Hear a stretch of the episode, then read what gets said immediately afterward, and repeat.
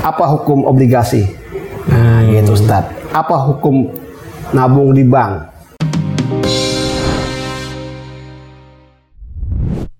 Assalamualaikum warahmatullahi wabarakatuh. Selamat datang di podcast Tasawuf TKI News bersama saya Pulcerah. Insya Allah masa depan kamu akan cerah. Alhamdulillah eh, hari ini kita akan berbincang seputar manhaj istinbat fatwa. Jadi saya baca di TKI News itu, jadi buat teman-teman yang belum buka tuh TKI News portal berita Tarekat Nusantara itu ada berita tentang pelatihan manhaj istinbat fatwa. Saya penasaran juga tuh ini pelatihan apa nih manhaj istinbat fatwa? Ini kan pelatihan yang bisa dibilang sangat langka gitu ya karena kita nggak pernah nggak pernah dengar tuh asing banget pelatihan apalagi secara online. Maka saya undang langsung nih ketua programnya ini dengan Ustadz Kiki. Alhamdulillah beliau sudah hadir di tengah-tengah kita. Langsung saja Ustadz Kiki ini saya mau tanya nih sebenarnya apa sih latar belakang dibuatnya pelatihan manhaj istinbat fatwa nih Ya baik.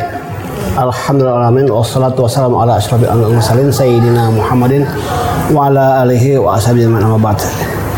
Jadi gini Ustadz Ini sebenarnya Namanya itu Kalau dijelaskan Lebih pada pendidikan kader mufti sebenarnya. Oh, pendidikan tingkat kader pemula, mufti ya? Pendidikan kader mufti. Tapi karena ini tingkat pemula Kita sebut pendidikan manhaj istibat fatwa. Jadi ini akan mendidik para ustadz, ustazah ya untuk mereka itu bisa memahami bagaimana cara menggali, mengeluarkan hukum ya dari dalil pada persoalan tertentu. Jadi eh, yang belum ada di nas, hmm. ya baik Al-Quran, hadis maupun pendapat para ulama salafus soleh. Nah, banyak hal ini di hmm. masyarakat yang memang produk fatwa ya oleh para ulama kita yang belum ada di zaman uh, Rasulullah SAW di Quran hadis dan juga di para ulama salafus soleh. Contoh misalnya paling banyak di persoalan ekonomi, misalnya apa hukum obligasi? Nah, gitu Ustaz. Apa hukum nabung di bank? apa hukumnya wakaf tunai. Hmm. Nah, kalau begitu gini di zaman jadi kasus-kasus nah, kontemporer ya, yang belum ketahuan nah, hukumnya gitu ya. Fatwanya ada. Hmm. Coba masalahnya kan terkadang nih para ustadz Ustaznya ketika ngajar ditanya oleh jamaahnya. Benar, sering banget tuh. Ya, contoh misalnya hal yang sifatnya kontradiktif. Hmm. Artinya gini, ada satu ormas Islam bilang contoh ya, contoh yeah, saat, uh -uh. dalam kasus rokok nih. Rokok. Nah, kalau Ormas Muhammadiyah kan mengatakan udah membuat fatwa ya hmm. di Muhammadiyah rokok itu haram. Haram. Rokok merokok itu haram. Merokok haram. Nah di NU itu ada fatwanya merokok itu makruh. Makruh. Tidak itu sampai haram. Itu udah beda tuh. Itu udah beda. Udah beda. Masyarakat bingung. Hmm. Ustad, Ustad, jadi yang mana yang benar? Nah, nah. kalau Ustadnya merokok ya jawabnya uh makro makro karena nggak mau darah haramin nggak mau yang haramin nah. kalau ustadznya memang nggak doyan rokok. Anti rokok. Anti rokok. Dia ikut fatwa yang nah. haram. Sementara yang nanya perokok berat. Nah, nah ya kata perokok ya lebih kita milih aja yang uh. makro gitu uh. kan. Daripada denger ustadznya. Hmm. harusnya nggak begitu ustadznya. Hmm. dia harus menjelaskan dulu juga latar belakang oh, duduk persoalannya, persoalannya nih kenapa nih? Kenapa nih, ini bisa jadi makro uh -uh. yang ini bisa jadi haram nah, gitu.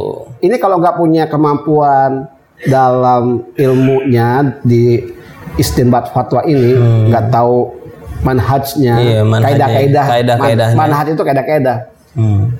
Ketentuan-ketentuannya ya Ustadz itu nggak bisa jawab. Akhirnya ya dia akan menjawab se uh, apa yang dia pahami gitu ya. Sesuai pokoknya ini haram, pokoknya ini makruh gitu aja ya. Makruh, ini haram. Uh, tapi kalau nah, kalau tahu manhaj istinbatnya, nah, dia, dia bakal bisa ngejelasin. Jelaskan, jelaskan uh. sehingga jawab oh ini loh. Oh, ini apa? ini ini loh yang ya. menyebabkan ya. dia jadi haram. Kenapa? Ini loh. Kenapa? Ada muncul uh, muncul fatwa yang berbeda karena hmm. Rasulullah nggak pernah merokok. Betul. Para sahabat juga nggak pernah merokok. Hmm. Belum ada di zaman ulama salafus itu rokok yang uh, di zaman sahabat ya. Kalau gitu penting banget tuh, Tat. apalagi untuk para ustadz, tokoh Hmm. masyarakat yang sering banget nanya. Ya, ini saya kenapa rokok ada kopi misalnya. Ada kopi. kan rokok. Ini kenapa nggak ada rokoknya? Ya mungkin antum sama saya sama ini. Iya. Udah nggak sampai makro lagi. Udah nggak demen aja gitu. Nggak demen merokok. Tapi itu kan kalau hanya itu aja kan orang nggak nggak teredukasi. Dan ustadz itu harus punya bekal itu. Dan banyak hal-hal yang bukannya begini, bukannya berarti eh, lalu dia mencetak mufti, lulus dari sini jadi mufti. Enggak, ini paling tidak kita akan ada lanjutannya. Jadi ini Ini baru awal berarti ya? Awal program Baru awal. pendidikan manhaj ya pendidikan bukan pelatihan eh, sejenis pelatihan tapi nanti ada pelatihannya benar antum udah tadi ngomong pelatihan tapi untuk awal pendidikan dulu pendidikan, Pendidikan, itu ya? dididik dulu nanti akan dilatih dilatih itu tahap kedua nah Oh, tahap kedua jadi itu sekarang teoritis ya dulu ya, teoritis dulu.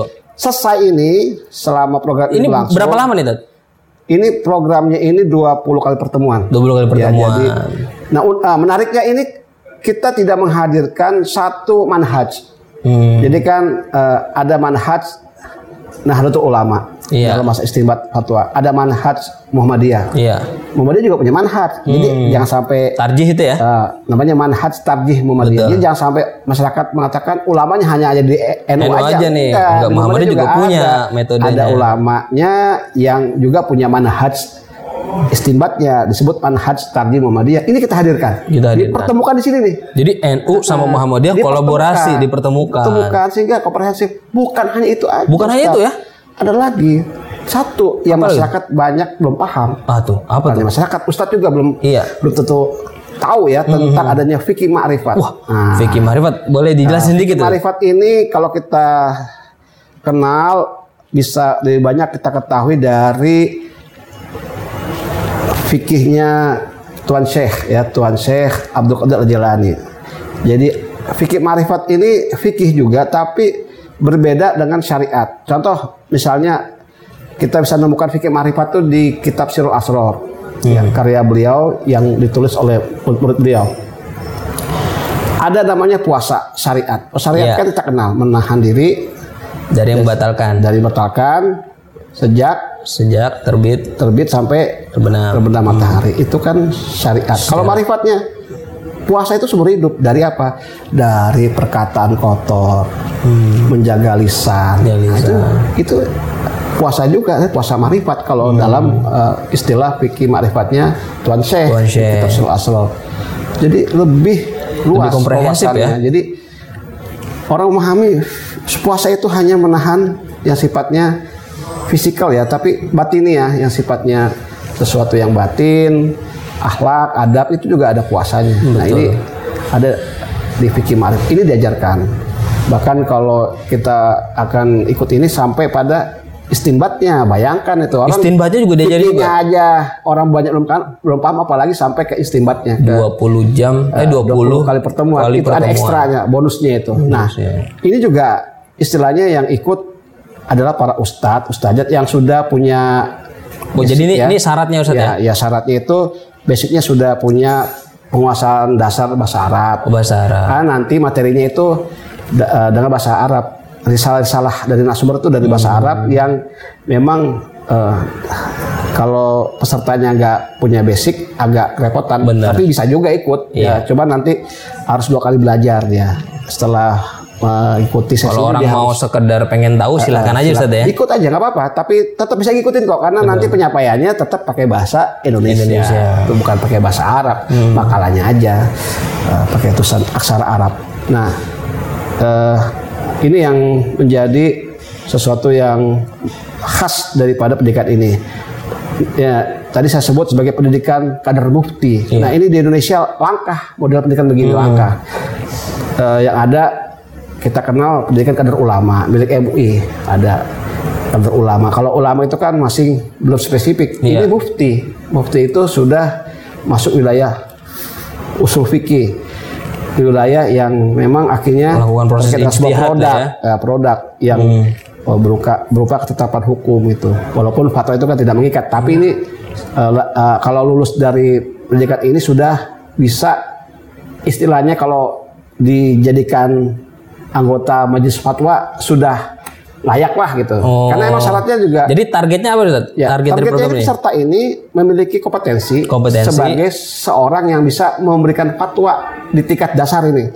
Tapi untuk awal ini memang Hmm. Belum sampai ke kita sana, coba ya? coba ke sana karena begini, syarat lulus itu adalah jadi ada ikut pendidikan, ada satu lulus. Ikut pendidikannya selesai, tapi lulus belum tentu. Oh gitu. Ah, 20 kali pertemuan selesai nih start. Hmm. Tapi tentu lulus karena lulus ini kompetensinya dia harus sudah minimal hafal 500 ayatul ahkam. Ayat ahkam. Ayatul ahkam itu ayat hukum. Iya. Dalam Al-Qur'an itu ada 500 ayat. Dia 500 harus saya. hafal. Harus hafal semua tuh. Karena itu mufti itu minimal, seorang mufti itu minimal hafal 500 ayat. Hmm. Iya. Ayatul ahkam. Kemudian kedua, hafal 40 kaidah usul fikih. 40 gak ada usul fikih. Dua hal ini kalau dia bisa kemudian diuji oleh penguji lolos dia.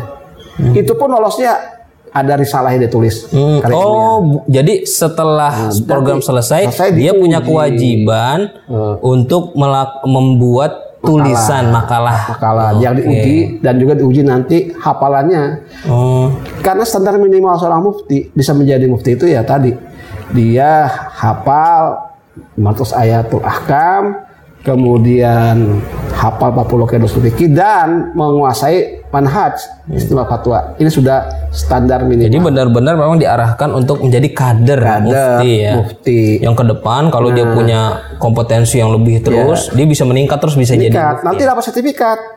Oh, Untuk ada ikuti pendidikan Selanjutnya. lanjutan. Lanjutan ini sudah mulai pelatihan, bukan Hmm. pendidikan lagi, sudah pelatihan. Artinya nanti akan ada simulasi untuk kemudian Menghasilkan produk ya, hukum. Ya, simulasi untuk me- di- dikasih ujian-ujian, kes-kes sehingga dia cakap untuk merespon masalah ini dan bisa memberikan fatwa gitu dia. Jadi pelatihan tahap kedua ini itu sudah mematangkan dia untuk menjadi mufti. Jadi ini yang yang yang kita arahkan.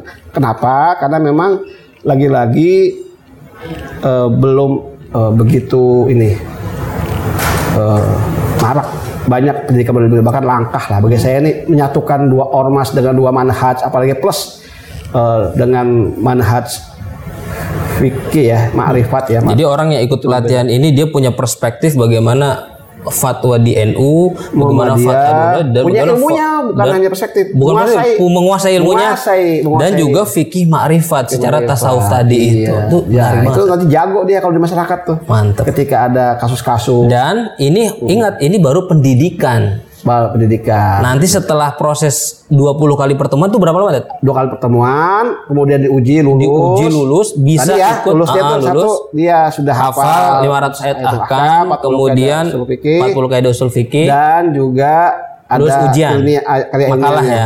makalahnya Oke. tentang eh, Baru setelah terkait- itu bisa lanjut ke program lalu ikut program pelatihan, pelatihan. kader mufti Pelatihan kader mufti. nah itu udah langsung Oke. eh, Praktek-praktek istilahnya finalnya dia lulus dari eh, pelatihan kader mufti dia sudah layak jadi mufti untuk eh, mufti yang pemula ya Oh iya. Nah ini nanti kalau dia dapat sertifikat ini kita harapkan MUI nggak nolak dia gitu.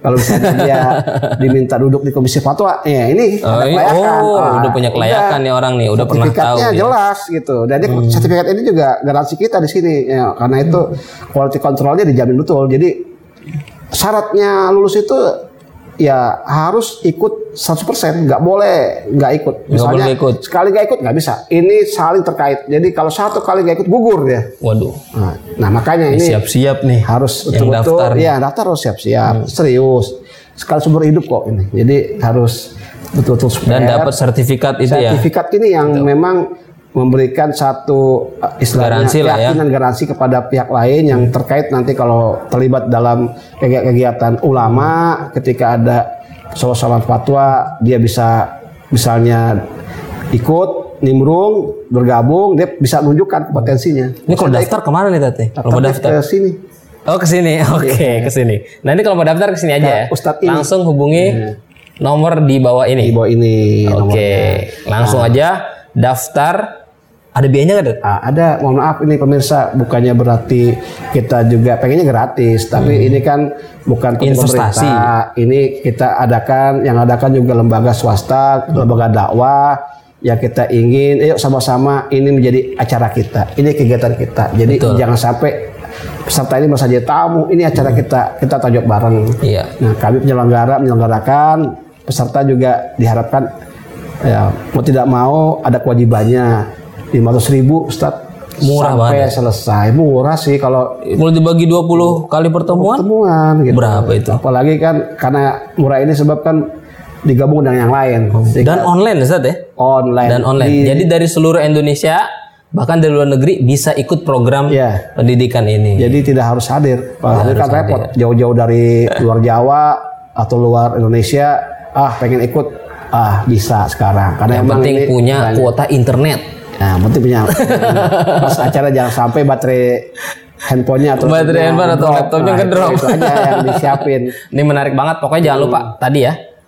Ikut pendidikan manhaj istinbat fatwa. Ya. Oke, terima kasih Demikian, banyak Sama-sama ngopi kita. Ustadz Gigi. Ini kopinya dulu saya minum Iya, nih. iya minum dulu Tangan minum dulu. kanan Aduh, katanya kita ya. ngopi dulu nih. Posisinya Bismillahirrahmanirrahim. Alhamdulillah alamin telah selesai bincang saya dengan Ustadz Kiki. Beliau adalah ketua program Manhaj Istinbat Fatwa yang diadakan oleh Lembaga Dakwah Tariqah Qadiriyah Naqsyabandiyah Jakarta. Mudah-mudahan kita lanjut nanti Sabtu depan untuk membahas tema yang lebih menarik lagi.